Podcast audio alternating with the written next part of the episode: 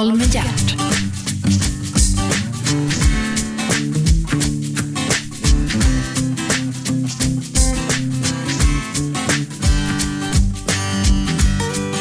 God morgon och hjärtligt välkomna till Radio 1. Det är pratradiokanalen nummer ett. Det programmet heter Äntligen. Jag heter Gert Fylking och äntligen är Anders Orlin här. Välkommen Anders. Tack för det. Och nu ställer sig lyssnaren frågan, vem är fan är Anders Orlin? Mm. Då kan jag säga så här, att Anders Orlin eh, är entreprenör med allt vad det innebär. Vi ska komma tillbaka till det och också eh, bland annat, det har ni kanske sett runt omkring överallt i hela Sverige, grundare bland annat utav den här eh, optikerkedjan Klarsynt. Stämmer bra. Finns lite överallt. Du Anders, vi tar det från början. Du, eh, du skulle ha blivit skomakare egentligen. Nej, det tror jag inte. Det räcker med att ha en far som var skomakare Du var, du, var växte du upp någonstans? i Gävle. Skomakarens barn har alltid sämsta skorna. Stämmer bra. Du, eh, mor och far, syskon? Eh, En äldre bror, tio år äldre än vad jag är. Okej, så att du var lillebror och du var det älsklingsbarnet då? Eh, Det upplevde jag själv, ja, men jag är inte säker på att det var så. Nej, nej. Eh, tyckte du att det var, hade du en bra barndom? Ja, det hade jag. Jag hade väldigt, eh, vad ska jag säga, ärliga föräldrar som alltid var rakt på sak. Och eh, vi levde ganska snålt, sparsamt och hade ingen möjlighet att leva på annat sätt. Och det gick inte att låna 10 kronor för att handla utan det var bara att skaffa sig att ha kontanter och göra rätt för dig. Du fick lära dig tidigt att pengar det fick man skaffa själv om man skulle ha till något. Ja, så var det. Men det, det, stod, det stod mjölk och kaffe på bordet och fanns fisk i kastrullen till, till Det middag. gjorde det alltid och kärlek också. Mm. Vad gjorde mamma?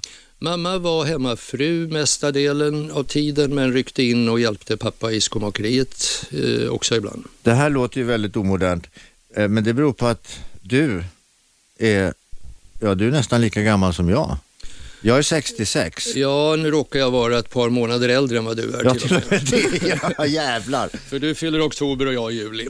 Ja, annars är jag ju alltid äldst. Va? Ja, men nu får du känna dig som en ungdom. Nu, ja, det var härligt. Anders, eh, skolan då? Skolan var att, eh, ja det är också en lång historia men jag ska göra den kort. Jag gick in i en så kallad realskola, en special sådan på fyra år eh, som var inriktad på ekonomi Först gick man alltså vanliga folkskolan i sju år. i sju år och sen realskolan. I fyra år inriktad på ekonomi Okej. och, och sen gick jag in då i gymnasiet på ekonomilinjen och stannade där i tre månader. Jaså? Ja, jag tyckte nämligen att eh, det jag hade lärt mig i realskolan skulle jag nu börja lära om i den här eh, gymnasieskolan så jag hoppa- hoppade av, Ja, ja. skaffade jobb. Ja, vad sa man hemma då? då? Ja, de sa att du, du väljer själv, sa de. Ja, det var väl förnuftigt? Ja, så att jag saknar den vita mössan. Ja, men du har den grå. Jag har den grå. den har jag också. Ja, det ser man. Jag Ja. flyttade sen till Uppsala och skrev in mig på Uppsala universitet. Utan studentexamen? Japp, och det var det unika och började läsa företagsekonomi. Året var 1968. Okej, var och det världen var år. upp och ner? Världen var upp och ner. Det var att eh, man tog bort samma år den här eh, skolreformen och sa att nu är det inte kunskap som gäller utan det är jämlikhet. Och man tog bort kunskapsbetygen och gjorde medianbetyg. Jaha. Jag gjorde mig osams med en amanuens på Uppsala universitet och blev utkastad därför att jag inte var behörig. Mhm. Efter det att jag då hade läst en hel del företagsekonomi. Ja, ja. Och eh, jag kan citera professorn som sa så här att jag hade ju varit ute och jobbat och hade varit obstinat för att jag visste liksom hur man skötte en kundreskontra i verkligheten, vilket den här amanuensen inte begrep. Kundrestskontra var namnet. Ja, så heter det. Mm. Och eh, min professor sa så här, året var alltså 68, att eh, är man inte lite socialist som student så saknar man hjärta. Är man inte lite moderat eller konservativ tror jag han sa, så saknar man eh, hjärna. Mhm. Och jag begrep inte det där då, men i alla fall, eh, jag hade fått den kunskap jag tyckte jag behövde eh, i det fallet. Mm-hmm. Började jobba på ett amerikanskt dataföretag, begrep ingenting om datorer men jag tyckte jag var Men hallå, nu, alltså 1900, i slutet på 60-talet, dataföretag? Ja, det var stora kolosser med kylrum och ja. Hålkort och annat? Ja, hålkort fanns också på den tiden. Ja. Mm. Och eh, jobbade där, fick en otroligt gedigen utbildning både i Sverige och internationellt, både vad det gäller management, ekonomi och sådana saker. Satt ett par år på Arbetsgivarföreningen och var med och utvecklade ett eh, datasystem för lönehantering som mm -hmm. faktiskt än idag finns kvar. Okej. Okay. Mm. Men, men, så att eh, istället för att teoretiskt lära dig de här grejerna så gick du in praktiskt och fick kunskapen den vägen? Ja, det gjorde jag. Det gjorde jag. Mm. Och jag ångrar inte en sekund för att eh, genom det här och sen de många år som jag själv har drivit ett konsultföretag där man då inte bara varit kastrerad hankatt, det vill säga vet hur man gör utan klarar av det själv också, så har man fått lära sig väldigt, väldigt mycket och det är jag oerhört tacksam för. Mm. Du, men du är entreprenör och entreprenör, i, som jag tänker entreprenör, så är ju det att man Ja, det är ett ord som många slänger omkring sig idag. Men det att man, man själv helt plötsligt så tänker man så här, ja men hallå, varför går det till på det här viset? Varför gör vi så här och varför gör vi inte så här? Eller varför är det ingen som har gjort så där förut? Eller varför gör man på de här konstiga sätten? Eh, och sen så, så ser man, så här kanske man skulle kunna göra istället. Och så hugger man klorna i det där och sen jävlar, sen kör man. Ja, det ligger mycket i det för att den vad ska vi säga, yrkessjukdom som också har blivit kanske en del av personligheten, det är att man ser saker och ifrågasätter saker, precis som du säger. Mm. Och eh, ibland kommer med både vansinniga idéer, men i matematiken har man ju fått lära sig att två negationer tar ut varandra och blir positivt och ibland blir det så. och ibland blir det så. Och så får man lite pengar på banken då. Eh, det kan hända ibland, ja. Ja, men det kan hända åt andra hållet också, eller? Ja, det kan det göra. Att man, eh, därför att det är ju inte alla idéer som, som eh, bär ända in i mål. Liksom. Nej, det, så är det. Men jag kan väl säga så här, jag har aldrig varit ute efter att skapa mig någon förmögenhet utan i de flesta fall har jag jobbat åt andra mm. som också tillfört riskkapital och liknande där jag själv inte har har varit med och riskat men eh, varit stolt i efterhand att de som har gjort det har kanske lyckats med det. Men du, om man, om man nu som, som ung person här för 66 det... år ung menar du? Nej, nej alltså, som lyssnare menar jag nu. Eh, sitter och lyssnar på det här och så hör man entreprenör och sen, ja det låter ju jävligt enkelt det där men hur, om man nu får en idé eh, som man själv tycker är väldigt bra, vad ska man göra med den? Vad, vad tycker du vad man ska göra med en bra idé? Det är en affärsidé alltså. Mm. För det första tror jag man ska titta på vad är målgruppen till den här affärsidén? Vilka kan appellera på den och tycka att det här är bra? Mm. Och utgå ifrån alltså konsumenten eller kunden och sen se om affärsidén är så inriktad att den gynnar kunden och att den tycker att det här är bra. Och har man inte gjort det och kan se potentialen där, då får man lägga ner den. För jag, jag hade en, en bekant som sysslade med reklam och eh, då fick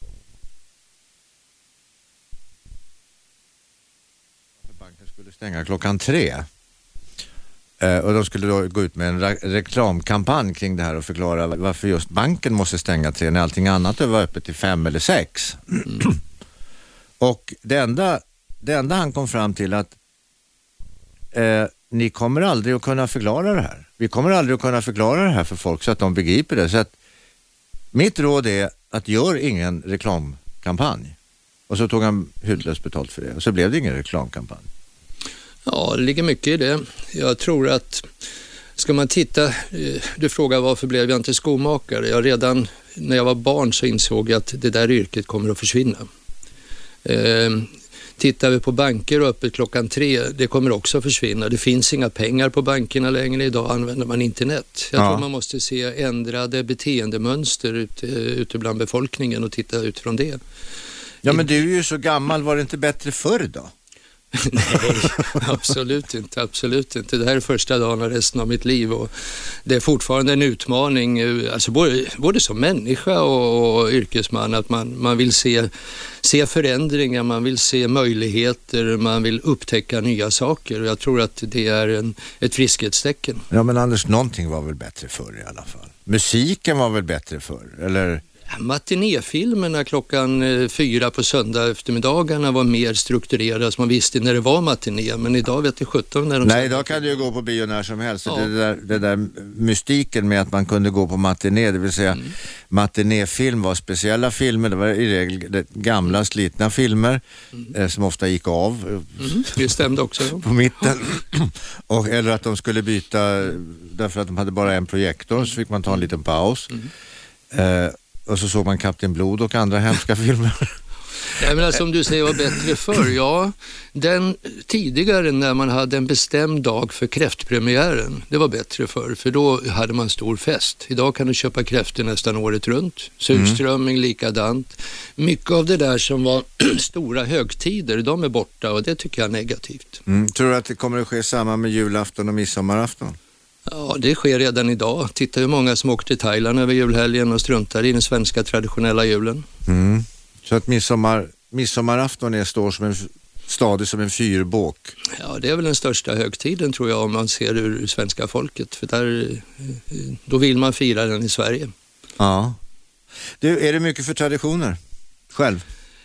Nej, definitivt inte. Jag, jag har en devis faktiskt eh, som är den störst, den störst, sämsta tradition du kan ha är att leva på eh, gamla traditioner. Mm -hmm. Jag tror att det är farligt att göra det för att då märker man inte de förändringar som sker i samhället. Fan, du, låter ju, du låter ju som något du är revolutionär, Anders. Fast egentligen borde du vara reaktionär. Han kanske hade rätt, din professor, som sa att har man inte ett litet socialistiskt hjärta som bankar och, och, en konservativ hjärna som jobbar så är man inget.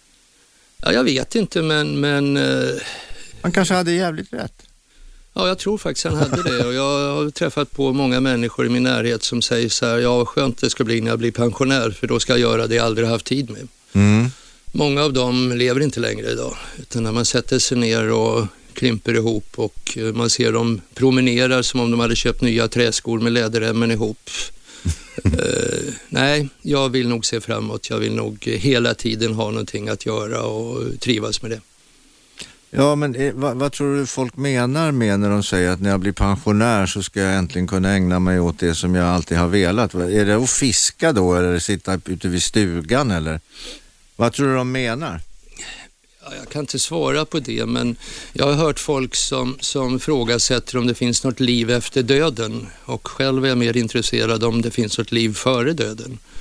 Ja. Jag tror det är för mycket tradition, vanor. Jag använder ordet medvetslöshet bland folk. Man låter snöbollen rulla och kanske gör sina stopp någon gång ibland för att tänka framåt. Men jag tror, jag tror man ska vara aktiv hela tiden. Mm. Du Anders, du har en väldigt intressant historia. Anledningen till att Anders sitter här det är att han har väldigt mycket intressanta historier att berätta faktiskt. Och är en eh, utav de, av alla de människor jag har träffat så, så är du en så otroligt aktiv, ständigt på person när det gäller idéer och göra saker och hitta på grejer. Du är helt fantastisk. Eh, därför är Anders här. Vi ska prata lite grann om, om, om Gambia faktiskt om en liten stund. Vi är strax tillbaka. Äntligen, Samtal med hjärt.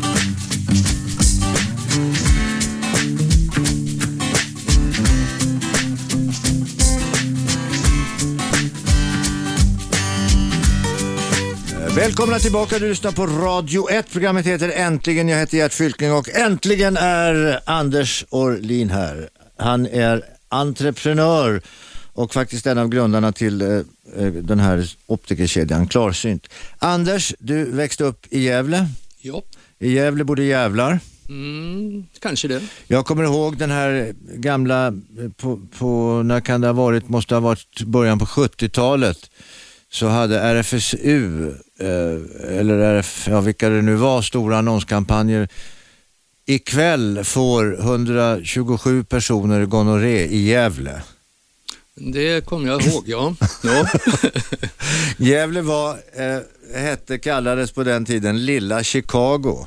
Stämmer också. Det var hårda tag, det var hamnstad, det är fortfarande, men Ja, och med det följde väldigt mycket. Det var en av de stora inkörsportarna det, Gävle. Mm, jag flyttade därifrån tre år tidigare så att du kan inte beskylla mig för... Du har inte spridit några... Jag har inte spridit något till Gävle. I, i Gävle? Och inte någon annanstans heller. och inte någon annanstans heller. Du, eh, vägarna i livet är krokiga och krångliga, men du har lyckats eh, hålla dig på, på stigen mest hela tiden. Har du ramlat ner i diket någon gång? Nej, faktiskt inte. Inte något som har uh, påverkat mig. Nej, det kan jag inte säga. Alltså motgångar, det har man alltid haft, men, men inte ramla i diket. Nej. Du har inte tänkt, nej men nu ger jag upp? Nej, det har jag aldrig gjort. Din pappa var skomakare och din mamma var hemmafru som hjälpte till ibland i skomakeriet och så hade du en, en äldre bror. Ja. Vad blev han av? Han eh, flyttade till Södertälje, började att jobba på Scania med motortillverkningen där. Okay.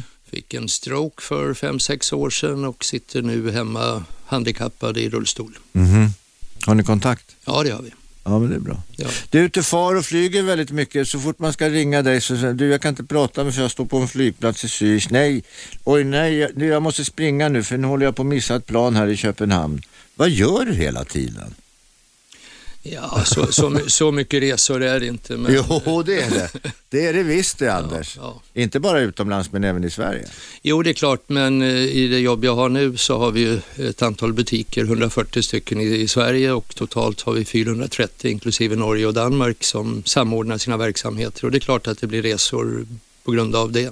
Du, det här att samordna, mm. Eh, butiker som samordnar, man går in i koncerner, man franchisar saker och ting.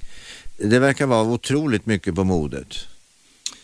Ja, alltså jag... Eller utveck det, den utvecklingen, vi har nått fram till det så att säga.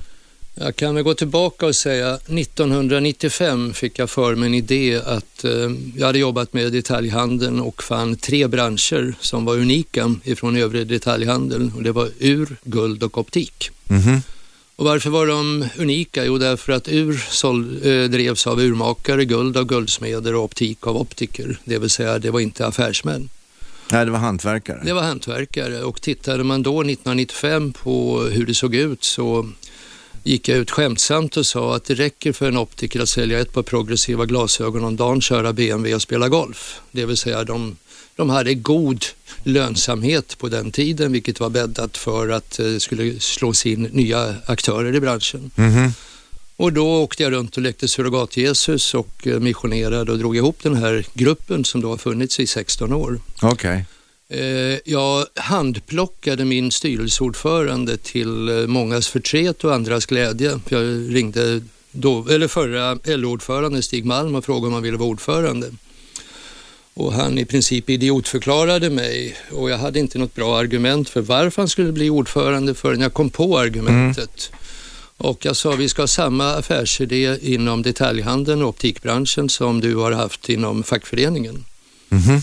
Och då stärkte han på sin åsikt om att idiotförklara mig. Men jag sa så här att... att det är Stig Malm, jag har träffat Stig Malm x antal gånger. Det är en väldigt trevlig men stridbar herre, fortfarande väldigt stridbar. Ja, det är han. Han är älskad av hälften och hatad av den andra hälften. Ja. Och så är det väl än idag. Men jag sa till honom att vi ska ha samma affärsidé som fackföreningarna, det vill säga att ensam är svag men ensamma små i samverkan blir stor och stark. Mm. Och så är det också med privatägda detaljhandlare. Mm.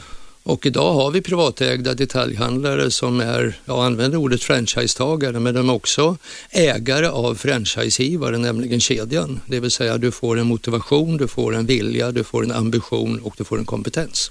Jo, men du säger att du såg att en, en optiker eller guldsmed, vad pratar vi, mm. pratar optikerkedjan nu? Ja, de är per definition inte affärsmän. De var det inte på den tiden och det innebär också att den här branschen förändrades ganska stort. Marknadsledaren på den tiden drev upp prisnivåerna mm -hmm. genom att det kom nya och bättre glasögonglas hela tiden som också blev dyrare och dyrare. Och eh, till sist upplevde jag att eh, prisnivån var alldeles för hög, vilket mm. också visade sig för det kommer in aktörer, lågprisaktörer. Men varför säger du att det är dyrare? Idag kan du gå in och köpa ett par progressiva glas för en krona. Eh, det är en sanning med modifikation. Jag menar du kan gå på apoteket eller på bensinstationen och köpa läsglasögon för 10 kronor också. Ja. Och vad man gör är att man lockar in kunderna med den prislappen och jag vågar nog påstå att ingen kund har någonsin köpt den typen av plastbitar som det är, som är alltså färdiggjutna glas på samma sätt som läsglasögon. Utan Detaljhandeln idag, vi kan generalisera och tala brett, bygger på två saker. Få in så många kunder som möjligt, locka in dem med den typen av erbjudanden. Andra erbjudanden är åldersrabatt. Är du 30 år får du 30 procent, är du 70 år får du 70 procent. Mm. Men när de sen har kommit in i butiken då gäller det att sälja så mycket som möjligt. Köp tre, betala för två, köp två, betala för en och så vidare och så vidare. Mm. Så att det där är tyvärr tråkiga lockbeten som man har i detaljhandeln. Men vi går ju på dem. Ja, men du var inne på ordet kampanjer tidigare. Jag tror att det här är kampanjer och kampanjer är kortsiktiga. Eh, man måste skapa en profil som gör att man är trovärdig hos sina kunder. Och tar du glasögon så är det ju så här att har du ett synfel så har du det resten av livet. Uh, ja, inte bara resten av livet mm. utan det försämras ju ju äldre du blir. Ja, men i vissa fall kan det också förbättras. Okay. Men, men, det innebär att, att en företagare, en optikerföretagare ska se att har jag en 66-årig kund här inne och han ska leva till 90 år så ja men visst, då har vi x antal år som vi ska underhålla den här kunden undersöka den, titta på synen, titta på ögonen, se förändringar. Har du gråstarr på gång? Har du diabetes? Och så vidare. Och så vidare. Och jag tror att kampanjer är väldigt, väldigt kortsiktiga. Men vi, har vi inte blivit lite prismedvetna så tillvida att till exempel vi ska gå ut och handla, nu pratar jag inte om glasögon här i första hand, om vi ska gå ut och handla, ja då går och köper jag, ja, jag går till Lidl och köper därför det var billigt bröd den här dagen och sen så går jag till ICA för det var det billig köttfärs den här dagen och sen så släpar jag mig vidare till Coop för det var mm billig glass eller efterrätt eller frukt eller vad det nu var. Så att jag, jag går runt och jag försöker ändå som konsument suga det göttaste ur det här. Att jag inte är så jävla lättlurad så att säga. Nej, jag tror inte att det du säger är riktigt. Jag tror att det är ett fåtal människor som eh, fladdrar runt i olika butiker för att hitta det billigaste. Däremot väljer man väldigt eh, noggrant en butikskedja som man har fått förtroende för och fortsätter att handla i den för att jag har uppfattningen av att här är man, har man det lägsta priset generellt. Mm. Sen ska man komma ihåg också, eh, oavsett vilken bransch man pratar om i detaljhandeln, så vågar jag påstå att 20-30 procent av konsumenterna är prisjägare och söker vettiga priser. Men 70-80 procent söker någonting annat, kompetens, valfrihet, omtanke och sådana saker. Och tyvärr är det så att om vi tittar idag i marknadsföring i detaljhandeln så är nästan 90 procent riktat på prisjägarna och väldigt lite på det som egentligen får kunderna att känna trygghet, att känna förtroende eh, och så vidare. Och så vidare. Och tar du optikbranschen så är det ännu värre.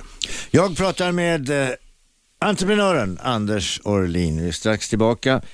Eh, du stannar kvar naturligtvis i radion därför att nu är det nyheter. Sen kör vi igen och vi ska prata. Vi måste ju in på det där med Gambia också, glömde ju det.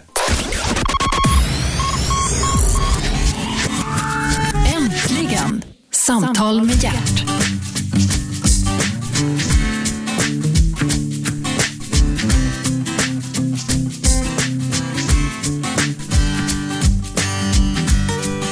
Välkomna tillbaka. Eh, du lyssnar alltså på Radio 1. Programmet heter Äntligen. Jag heter Gert Fylking och äntligen är entreprenören Anders Orlin här. Känns det bra Anders? Ja, det tycker jag. Du, eh, vi måste ju ta det här nu med, med, med Gambia. Du har en gång om tiden berättat för mig en förvirrad historia om en person som du träffade. Äh, ta den, få höra. Du, du hjälpte någon kille någon gång i tiden. Ja, vi hade kontakt eh, med en, en av resebyråerna och fick sån här spatt inför en julhelg och ringde och sa, har du någon, någon resa till något varmare land över julen? Och då fick jag till svar... Var du och familjen? Ja, jag och familjen. Ja. Och fick till svar, ja tyvärr har vi bara Gambia. Mm. Var ligger det? Jo, Västafrika. okay. Är det varmt? Ja, det är varmt. Ja. ja. men då tar vi det. Nu vet ju varenda kvinna i 50-årsåldern var Gambia ligger. Eh, det sägs så, ja. ja. Mm. Så att vi åkte ner där och ehm, eh, jag var storrökare av cigariller på den tiden och fick inte tag i något sånt där nere. Jag fick hjälp av en i receptionen på hotellet som åkte runt en dag och lyckades få tag i cigariller. Och det här var en 25-årig gambiansk grabb som jobbade i receptionen. Mm -hmm. Och eh, fram på nyårsafton så var det svenska artister som uppträdde där och jag fick höra också av den här 25-åringen att han hade fått ett stipendium att plugga uppe i universitetet i Oslo på sommaren och skulle få då resebidrag från Ving som det var frågan om. Och han hade ett problem för han skulle få flyga till Stockholm och hade två veckor där han inte visste var han skulle bo. Mhm. Och jag hade väl druckit ett glas för mycket så jag sa det är väl inget problem, du bor hos oss. Och det visade sig att det var två månader, jag ordnade arbetstillstånd åt honom och arbete. Och på den vägen fråga, är det. blev, lurade han dig? Eller? Nej, nej, nej, nej, det gjorde han inte. Utan, och det här var 1978. Det var omständigheter som Det gjorde var omständigheter, Okej. ja. Och vi har haft kontakten sedan dess och några år senare så blev han hotellchef på ett annat hotell ägt av en äldre engelsman I Gambia? i Gambia. Ja. Okej. Och ett par år senare blev han kallad till England där det var ett stort familjeråd för ägaren. Den äldre mannen hade fått cancer och önskade då att min gode vän Papp som han heter skulle få ta över hotellet. Han hade ju inga ekonomiska möjligheter till det men de gjorde upp ett deal om att han skulle få betala en viss del av intäkterna tills han hade betalat hela hotellet. Mhm. Och så blev det. Sen hamnade Gambia i en eh, kris och en oblodig revolution 94 och det blev eh, stopp på turismen fram till 97 och när Mm. den sen började igen så Det måste ha varit svårt för honom att driva hotellet då? Ja, det var det och vi var med och hjälpte honom och eh, lånade privat ut lite småpengar. Ja, inte smått, men vi lånade ut pengar till honom också och stöttat honom eh, eh, hela vägen. Och eh, när sen turismen startade och han var också då ansvarig för det skandinaviska flygbolaget som var där och tog emot flygplanen. Och när han kom tillbaka till sitt hotell så var det omringat och det kom fram en advokat och sa att ditt hotell är just nu sålt på exekutiv auktion och här har du en summa pengar som är den vinst du har. Mhm. Och han blev ju helt chockad. Han hade ju lån i en av de största bankerna, men det var ju, säkerheten var ju hotellet i sig. Men det var sålt på exekutiv auktion utan att han hade varit informerad om det. Han, kommer, han åker iväg till flygplatsen, kommer tillbaks Så är hans här... hotell ockuperat och eh, övertaget av andra. Vilka är, det som vilka är det som står utanför och ockuperar hotellet? Det var ett nybildat bolag eh, som ägdes av ett par, tre ryssar. Aha. Och eh, min gode vän vägrade ju att acceptera det här så de åkte upp till domstolen och lät deponera den här checken som var då hans vinst och lät den vara där tills det här utreddes och var klart. Och det visade sig då att det här bolaget hade mutat bankdirektörer med pengar och att man hade fejkat den här exekutiva auktionen så det pågick en rättegång där i två år och det visade sig att hotellet var inte sålt och de fick ingen lagfart, de nya ägarna på det här hotellet. Och då var det ju normalt att då tar man ju tillbaka hotellet och är glad igen. Men Ja. det gjorde, gjorde inte han utan han stämde då banken för att uh, uteblivna vinster och intäkter på två år. Ja, det låter väl rimligt. Och den rättegången har pågått sedan då 1999 och pågår fortfarande och är i högsta domstolen och det skulle varit domslut här i juni i år men domarna har skjutit upp det här till november i år och jag tror uppriktigt sagt att han aldrig kommer att få sina pengar utan det är korruption och mutbrott i det hela. Oj då. Och han kommer heller inte att få tillbaka hotellet för det är numera så förfallet så det går inte att använda. Mhm. Och eh, de som har drivit hotellet under den här tiden, det är ju de som köpte det från början. Och de har ju hela tiden sett till att de har fått ut sina pengar flera gånger om. Ja, ja, det är klart. Jaha, vad blev det av papp då? Han lever kvar där nere och har väl svårt att försörja sig. Har blivit lite äldre nu. Han var ju då 25 1978. Han Okej. har familj där och vi Ja. har löpande kontakt fortfarande. Självklart. Är du nere där någonting? Nu är det ett antal år sedan jag var nere men eh, jag har träffat honom. Han har varit här uppe i Sverige och även hans fru och barn har varit här. Okej. Jaha, så, så långt Gambia, men, men eh, det var ju väldigt fint av dig att hjälpa den där killen tycker jag. Ändå. Ja, men han blev, eller familjen där blev vänner till oss och eh, eh, vi såg att han var ärlig och eh, ja, Mm. vi ställde upp för varandra. Mm. Du, hur har du nu, nu då med internationella, eh, håller du fortfarande på ute i världen? Bulgarien och var du nu håller på någonstans? Ja, Bulgarien, där har jag ett litet fritidshus. Eh, Jaha. För övrigt så engagerar jag mig i Sydafrika Jag har varit eh, engagerad och är i, sitter i styrelsen i Sven Tumba Sport for Education, alltså den Ja, insamlingsfond där vi driver fem skolor för 3 500 barn i, strax norr om Durban i Sydafrika. Mhm. Eh, Var har du fått det här sociala engagemanget ifrån? Jag menar, du tar hand om den här killen Paps, du, du, Mm. engagerar dig i den, den här fonden, Tumba, Sven Tumbas Mm. fond. Det här sociala engagemanget, var kommer det ifrån? Jag tror att det ursprungligen kommer från mina föräldrar, men, men jag, jag är den där långsiktiga typen där jag tror att relationer är viktigare än kortsiktiga eh, vet bäst eller eh, hur man nu ska säga. Mm. Det, nej, men det har alltid legat mig varmt om hjärtat att det är roligare att ge än att eh, få. Ja, är det det? Ja, det är det. Mycket roligare. Ja, jag säger du det så är du ju ett levande bevis för att det funkar. Nej, men alltså man kan eh, prata väldigt djupgående kring det här. Jag säger att hjälpsamhet är den största egoismen du kan ha. Ja, Därför kanske. att kan du glädja en annan människa och få glädjen tillbaka så och glädjas av den glädje du får tillbaka. Det Men kan, vad fan Anders, när ska du ge upp? Du är för fan 66 år. Jag kommer inte att ge upp. Jag har haft devisen lev hårt, dö ung, bli ett vackert lik. Och där har jag misslyckats för nu börjar jag bli gammal. Ja, du är fortfarande vacker. ja, tack för det. Det är du också. Och de, kan, på, de här begravningsentreprenörerna, de kan trolla vet du. Ja, det har du rätt i. De, de får till det. Ja. Med, lite, med lite färg och lite smink Ja, då. Oh, ja. så går det bra. Och, Ha, vad har du för gener? Blev dina föräldrar gamla? eh, ja, det blev de. eh, De blev nära 90 år båda två. Ja, men då har du ju, då har du ju i alla fall 25 år kvar då. Ja, om man ska följa det så är det väl så. Ja, men de säger ju det, att det spelar ingen roll vad du stoppar i dig eller hur du sköter eller egentligen missköter. Det viktiga är generna. Ja, kanske är så. Jag menar, jag har aldrig motionerat. Jag har aldrig gått på ett gym. Jag törs inte ens gå på ett gym. Jag ehm, dricker vin, helst rödvin. Jag rökbantar. Jag röker och eh, tycker det är jättebra. Jag har en bra matchvikt och trivs bra med livet. Okej. Vad gör du nu för tiden? Jag sitter fortfarande kvar och är eh, VD för moderbolaget i kedjan Klarsynt. Okej. Vi har också systerbolag till Klarsynt med en allriskgaranti. Vi har nu ett betalsystem för kunderna i butikerna som gör att de kan handla glasögon för 295 kronor i månaden. Ja, jag, så, jag, jag såg någonstans här, jag läste någonstans om att du har blivit bankdirektör också. På gamla det, dagar. Det är väl lite nu. Nej, inte bankdirektör, men du har startat bank kan man väl nästan säga. Får vem som helst göra det? Nej, det får man inte. Och därför har jag heller inte startat en bank, men jag har startat ett eh, betalsystem så att eh, en hel familj kan komma till Klarsyns butik, handla glasögon, kontaktlinser och eh, betala 295 kronor i månaden så länge de är skyldiga pengar.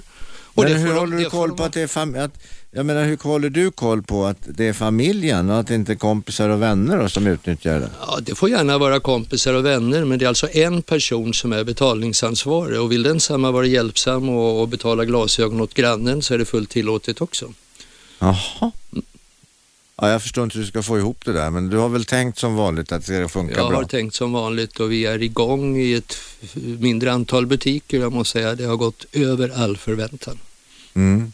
Ja, men för konsumenten, konsumenten jagar ju alltid, eh, inte nödvändigtvis billigaste lösningen, men den bästa lösningen. Den de känner sig trygg med.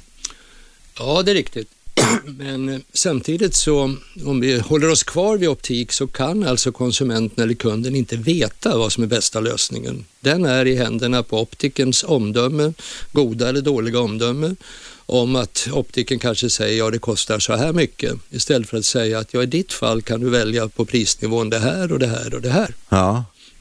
Vilket jag tycker är viktigt för att man ska få valuta för pengarna. Eh, Det är inte nödvändigt i mitt fall till exempel. Jag kan ha de dyraste glasen som går att få men jag kan också ha ett par glas som är en fjärdedel av priset och ser lika bra ändå. Ja. Så att det är återigen förtroendet för varandra, förtroendet för optiken, förtroende för den som ska ha glasögon. Men är det inte så i all affärsverksamhet att det gäller förtroende? Jo men visst är det så. Visst är det för så. har du inte förtroende för, för din mjölkhandlare, då går du ju inte dit. Så är det ju bara. Ja, men samtidigt är det dagligvaror så behöver du inte ha det där förtroendet för att produkterna är likartade i alla butiker och då är det priset som gäller. Men har du en produkt som, där du som kund inte vet själv och kan välja eftersom du inte har valmöjligheten, då är förtroendet ännu viktigare. Du lyssnar på programmet eh, Äntligen. Äntligen är alltså eh, Anders Olin här, stor entreprenör och hittar på grejer. Hitta på, är det någon bransch som du inte har varit in och rotat i?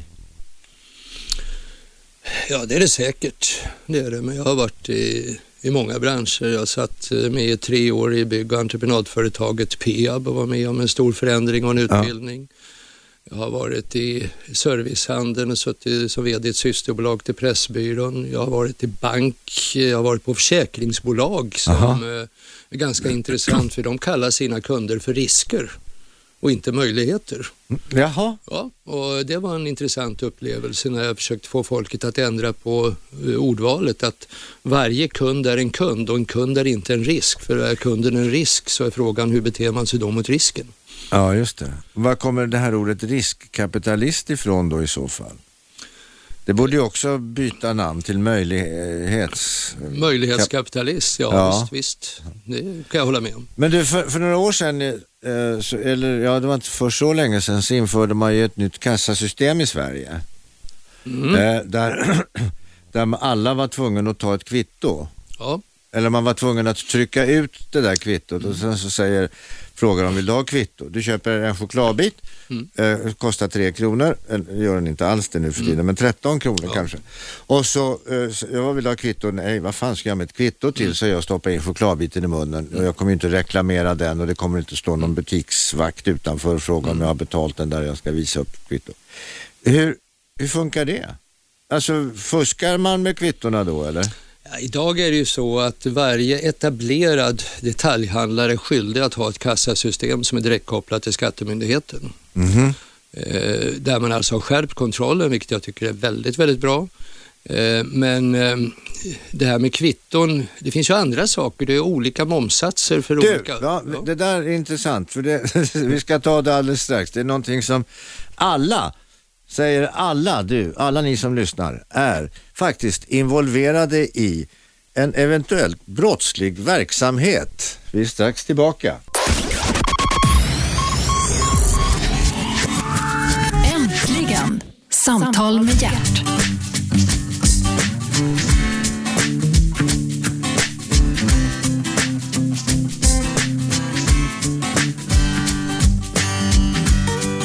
Välkomna tillbaka, du lyssnar på Radio 1, pratradiokanalen nummer 1. Programmet heter Äntligen, jag Gert Fylking och äntligen är entreprenören Anders Orlin här. Anders, Gävlepojk, skomakare var pappa, hemmafru var mamma.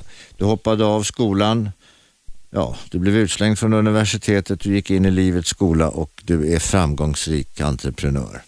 Var det kort sammanfattat? Ja, ja jag ska inte säga emot dig. Nej. Nej. Nej, det är ingen idé att du gör det för då, Nej, det... då stänger jag bara av din mikrofon. Anders, eh, du funderar alltid och eh, du hade en liten fundering eh, om det var igår till och med. Du var inne på McDonalds. Ja, eh, det stämmer. Ja, det var ju faktiskt i morse, I morse till och med, som idén kom upp. Och, och, det är så här när man går in på den restaurangen så om man säger att jag vill ha en eh, Big Mac-meny Mm. Så får jag följdfrågan, ska det vara en plusmeny? Alltså man vill sälja mer. Eh, sen kommer det, äter du här? Ja eller nej? Och sen betalar du kontant? Ja eller nej? Vill du ha kvitto? Mm. Det, det är standardfrågorna. Och eh, då är det ju så här att varför frågar man äter du här? Och det är ju så att om du köper en hamburgare för 10 kronor så är 2 kronor moms därför det är 25 procents moms. Okay. Men min fundering var ju så här att om man nu går på en, en restaurang och har så kallad take away, man tar maten med sig. Ja, det har du ju på McDonalds bland annat, ja. eller på vilken hamburgerkedja du än går på. Ja. Mm. Och då är min uppfattning att momsen är bara 12 procent.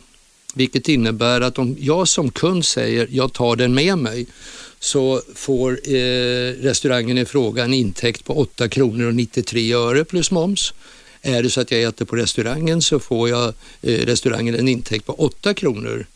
Det vill säga att om jag säger jag tar den med mig så tjänar de 11,6 procent mer i intäkter. Mm. Och eftersom ingen människa frågar efter kvittot så frågar jag mig, hur ser kvittot egentligen ut? Är det 12 procent eller är det 25 procent? Och jag har inget svar på det.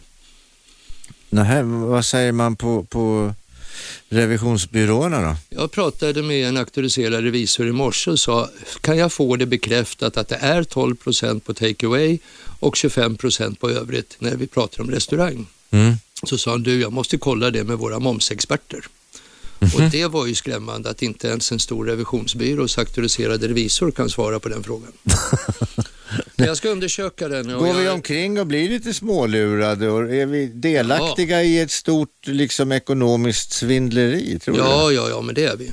Visst är vi det och vi lockas in på olika saker och jag kollar lite grann hur marknadsdomstolen ser på saker och ting. Tidigare så hade taxibolag tjejtaxi på kvällarna, det vill säga lägre pris. du? Ja. Det förbjöds därför det var diskriminerande mot männen. Jaha. Eh, Vi hade tidigare en diskussion om att man får inte gå ut och säga damklippning 200 kronor, herrklippning 150 för det var också diskriminerande. Mm.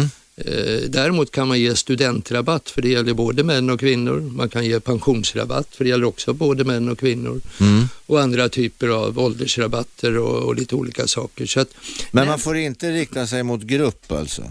nej, inte när du pratar om kön. Men för övrigt så kan du jag har en idé förresten. Jag- skulle vilja starta en butik här. Nu fantiserar jag. Där man säger så här. Fattiga får 70% rabatt och rika får ett påslag på 70% på priset. Mm. Jag tror inte man skulle bli framgångsrik och lönsam med den affärsidén men det är ju en konsekvens av det här olika rabatterbjudanden som man har och som folk tyvärr går på. För att frågan är, vad kostar det egentligen? Och det jag betalar, är det rätt pris i förhållande till vad jag köper? Mm. Och jag ser eh, när jag besöker våra egna optikerbutiker som säger så här, vi får in kunder som har varit på andra ställen och blivit besvikna för de har blivit inlockade till ett pris som ligger väldigt, väldigt lågt och sen när de gått ut därifrån så har de betalat fem gånger så mycket.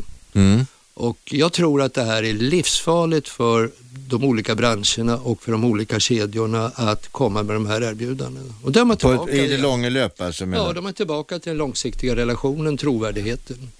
Och Ja. det finns inga gratisluncher brukar jag säga. There's no such thing as a free det, lunch. Nej, det finns inget sånt. Nej. Ja, men det kanske ligger någonting i det. Mm. Hur tycker du att man ska, hur tycker du att man ska locka in kunderna då? Ja, att, att gå ut med en annons i en tidning eh, har du ingen aning om hur många kunder du får in tack vare annonsen. Nej. Kan man på något sätt skapa ett eh, relationsskapande, det, det kostar alltid pengar att få in nya kunder.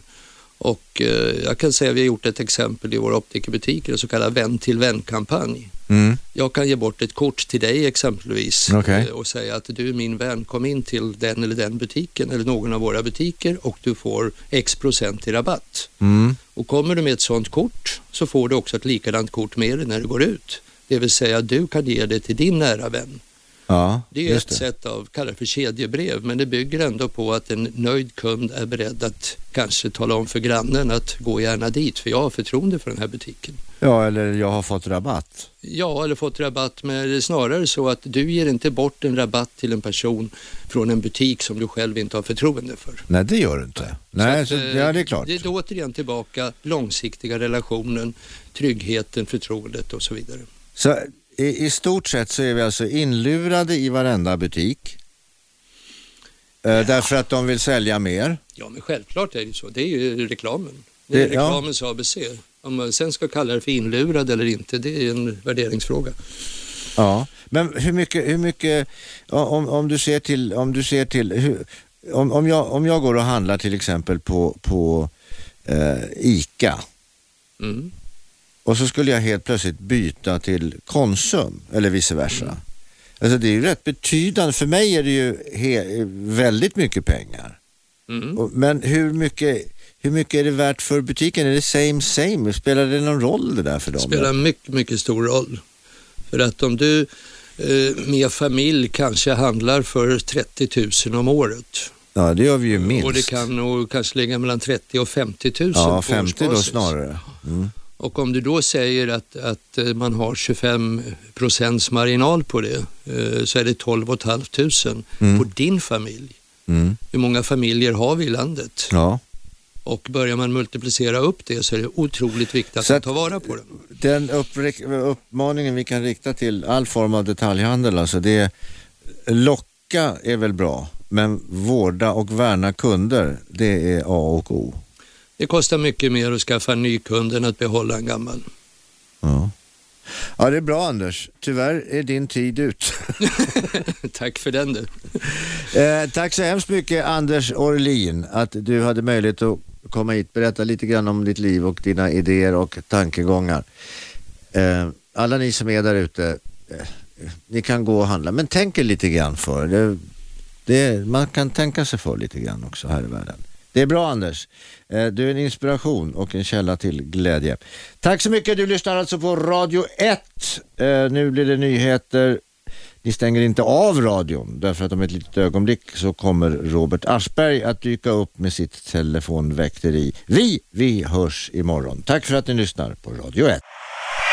101,9 Radio 1. Sveriges nya pratradio.